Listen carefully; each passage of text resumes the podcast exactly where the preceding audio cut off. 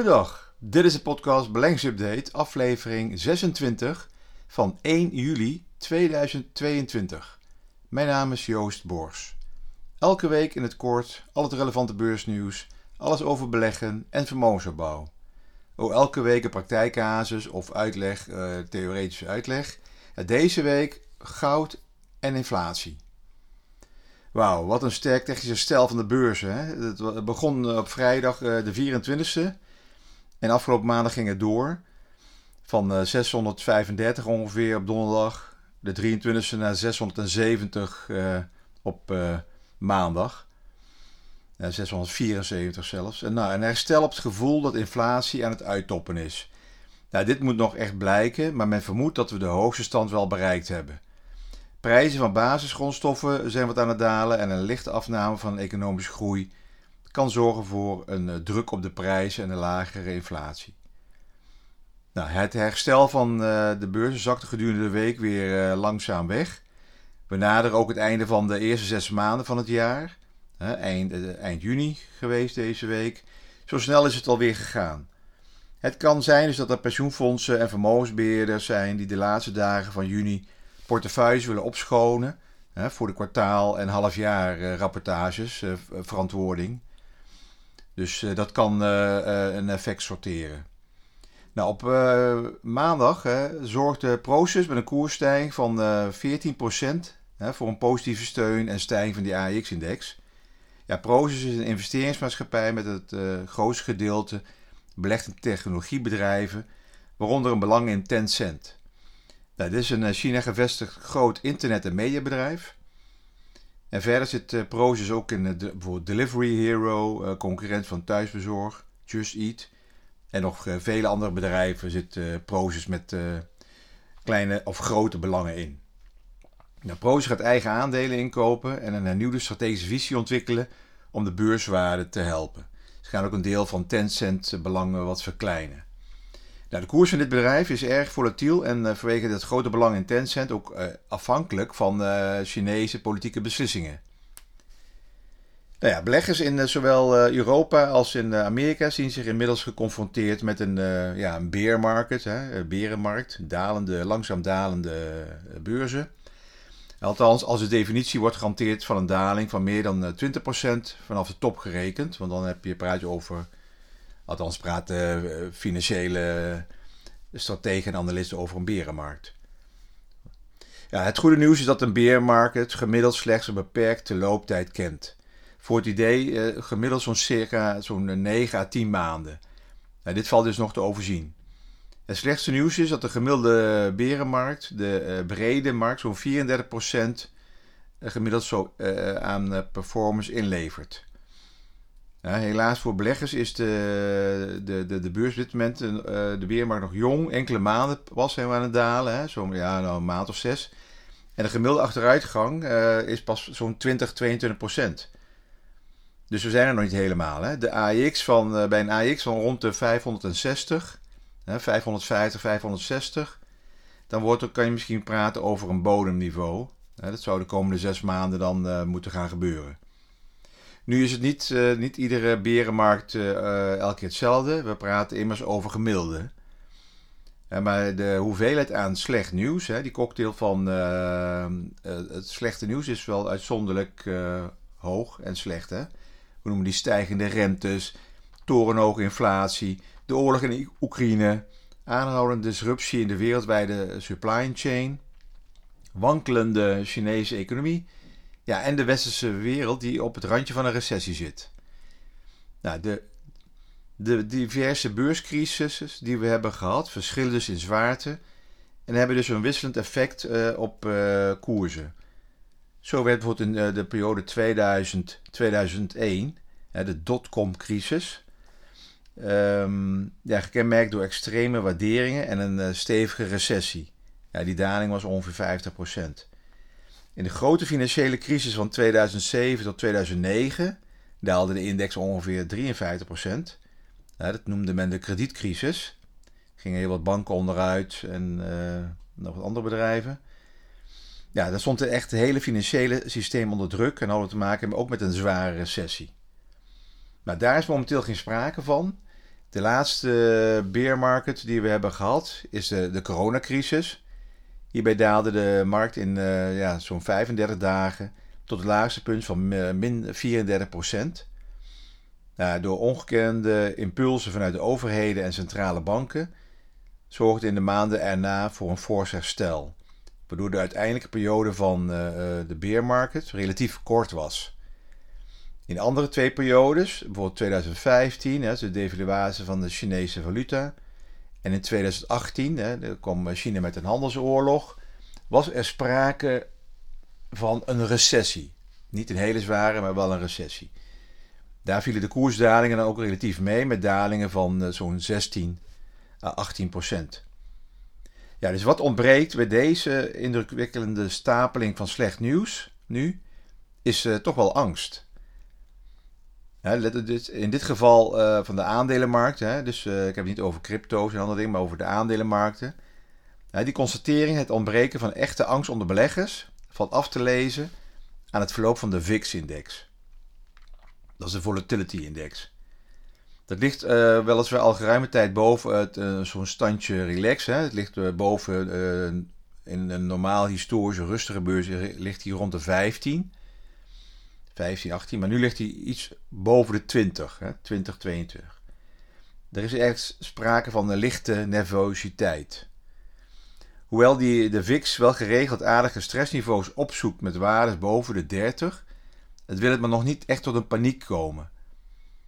Als je even terug gaat kijken van de laatste drie, vier jaar, bij echte paniek schiet die VIX tot uh, uh, boven de 40, maar eigenlijk geldt 60, boven de 60 pas echt als echt paniekmomenten. In de coronadaling, dus die hele korte, felle daling, ging die VIX richting de 80. Dus dan, uh, dan hebben we dat paniekniveau nog, nog niet bereikt. Nou ja, wat, hoe zit het nu in deze omgeving met grote vermogensbeheerders die hun portefeuilles aanpassen of strategische visies etaleren naar klanten? Nou, bijvoorbeeld ABN AMRO Bank, hè, de ABN Mees Pierson, dat is de grootste Nederlandse private banking organisatie. In de laatste strategische update verlagen ze het aandelenbelang van neutraal naar onderwogen. In februari dit jaar gingen ze al van uh, overwogen naar neutraal. Dus even in gewone mensentaal. Stel je hebt een profiel uh, neutraal, dus, uh, of gebalanceerd, ik weet niet precies welke namen ze noemen, maar dan praat je over ongeveer 50% in aandelen en 50% in obligaties. Dus dan gingen ze vanaf februari van 55% in aandelen, want ze waren toen overwogen, terug naar 50%. Dat noemen ze dan naar uh, neutraal. En nu gaan ze naar ongeveer 45% of misschien iets lager. Dat noemen ze dan onderwogen. Je zit dus onder die 50. Zoiets kon het ongeveer zijn. Nou, ook denkt de ABN dat, ze, uh, dat het zaak is om te kiezen voor een uh, defensievere portefeuillesamenstelling. Uh, daarom doen ze beleggers de suggestie om hun positie in de sector financiële instellingen en luxe goederen en diensten te verkleinen en om te kiezen voor een grotere blootstelling aan de sectoren nutsbedrijven, communicatiediensten, vooral telecom, gezondheidszorg en industrie. Nou, de twee sectoren die bij ABN de voorkeur krijgen zijn dus gezondheidszorg en uh, basismaterialen. Gezondheidszorg niet de voorkeur omdat deze sector groeiperspectief biedt tegen een redelijke prijs en vanwege de recessiebestendige kenmerken van deze sector. Ze hebben een, een voorkeur ook voor basismaterialen, omdat deze sector in positieve zin gelinkt is aan inflatieontwikkeling. De sector staat bijvoorbeeld eh, bloot aan prijsontwikkelingen van grondstoffen en fysieke activa. Nou, ook aan de obligatiekant doen ze wat. De verlagen ze het belang ten gunste van kasgeld.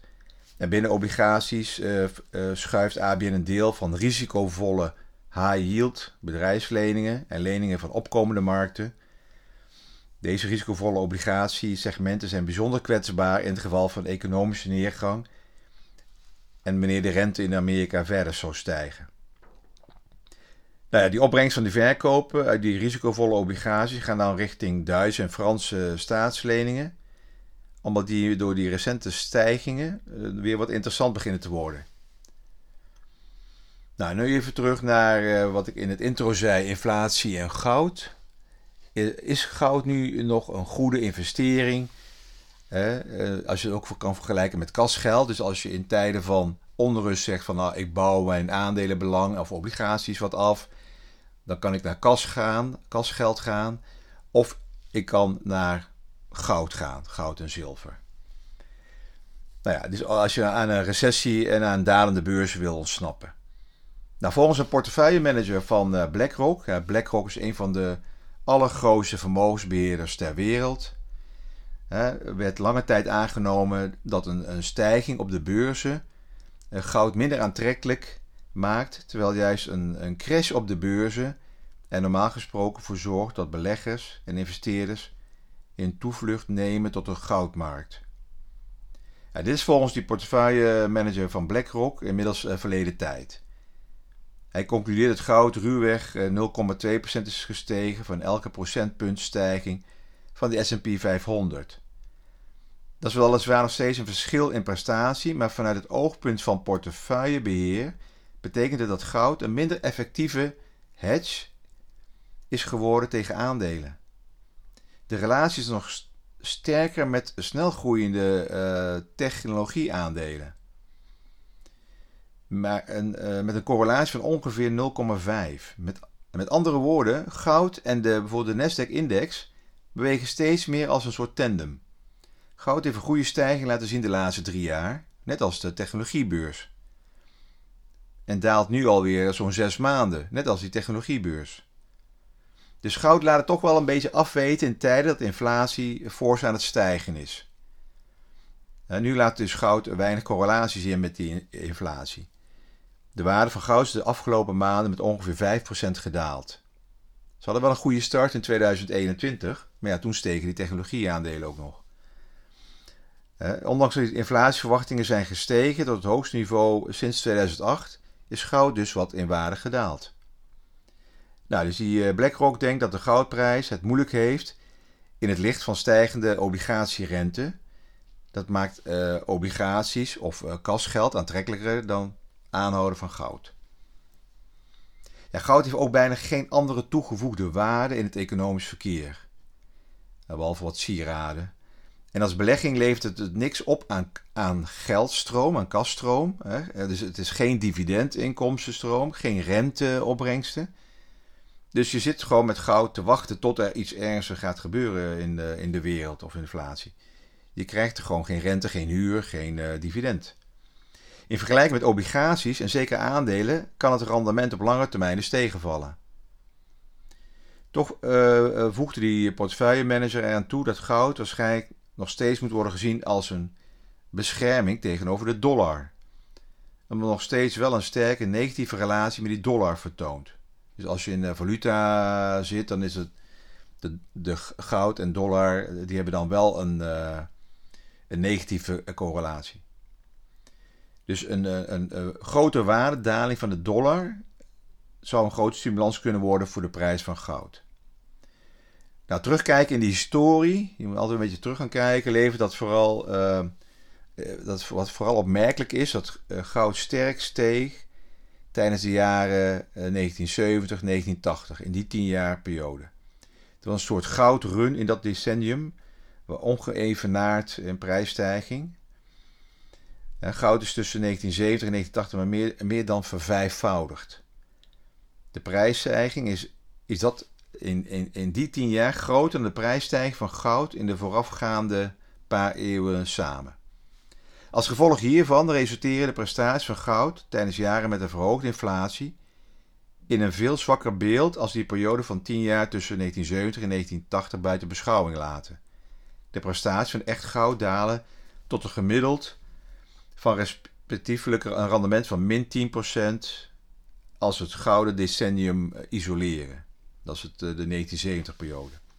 Er is iets dat opvalt voor uh, die, gouden periode, decennium. Het is de langste inflatoire, uh, als we naar onze op maat gemaakte definitie kijken, periode in het dataset. Als je naar de historie terugkijkt, dus als je rekening houdt met, met de inflatiejaren eromheen. Er waren andere tijdvensters die over het algemeen hogere inflatieniveaus registreerden. Er was echter geen perioden die langer stand hielden dan die 10 jaar. Dat kan dus uh, immers impliceren dat goud in een heel bijzonder geval een goede inflatie hedge zou kunnen zijn gedurende een hele lange periode dat inflatie hardnekkig stand houdt. En beleggers zich daaraan moeten aanpassen. Dus je moet gaan kijken. Ja, het is natuurlijk nooit eh, van tevoren, maar uh, zoals het nu uh, elke keer gekeken wordt naar inflatie, van het zal tijdelijk zijn door verhoogde rente zal die inflatie toch weer wat gaan terugzakken volgend jaar. Dat zie je nu ook al wat de, wat de Rabobank al schreef, nou ja, dat zei ik verleden week al. En dat dus de centrale banken ook denken van nou, inflatie, dat kunnen we, die kunnen we onder controle krijgen. Dat zal volgend jaar misschien wat gaan afnemen. Dus dan heeft goud eigenlijk weinig toegevoegde waarde. Maar in de periode 1987, toen inflatie zo hardnekkig was en, en boven die 8% bleef, eh, rond de 10% ging, en dat gewoon een aantal jaren, ja, toen had goud dus wel uh, een, een, een functie als bescherming en als hedge, want die koers van goud ging dus uh, vrij hard omhoog. Het is dus wel een, mythe dat goud goed presteert tijdens uh, inflatoire periodes. Uh, het bewijs wijst dus op een hele ander beeld. Hè? Als je al die uh, als je 150 jaar terug gaat kijken. Over het algemeen heeft goud negatief gepresteerd tijdens periodes van verhoogde inflatie. Meestal werd het overtroffen door gewoon het aanhouden van cashgeld. Dus al met alles goud geen betrouwbare hedge geweest tegen, als je het puur tegen inflatie wil aanhouden. Nou, ik hoop dat je het een beetje leuk vond. Een beetje een lang verhaal. Maar in ieder geval dank voor het luisteren. Zoals alles, altijd, alles op persoonlijke titel. Hè? Geen direct advies. Je kan het bespreken met je adviseur. En gebaseerd op openbare informatie. Tot de volgende week.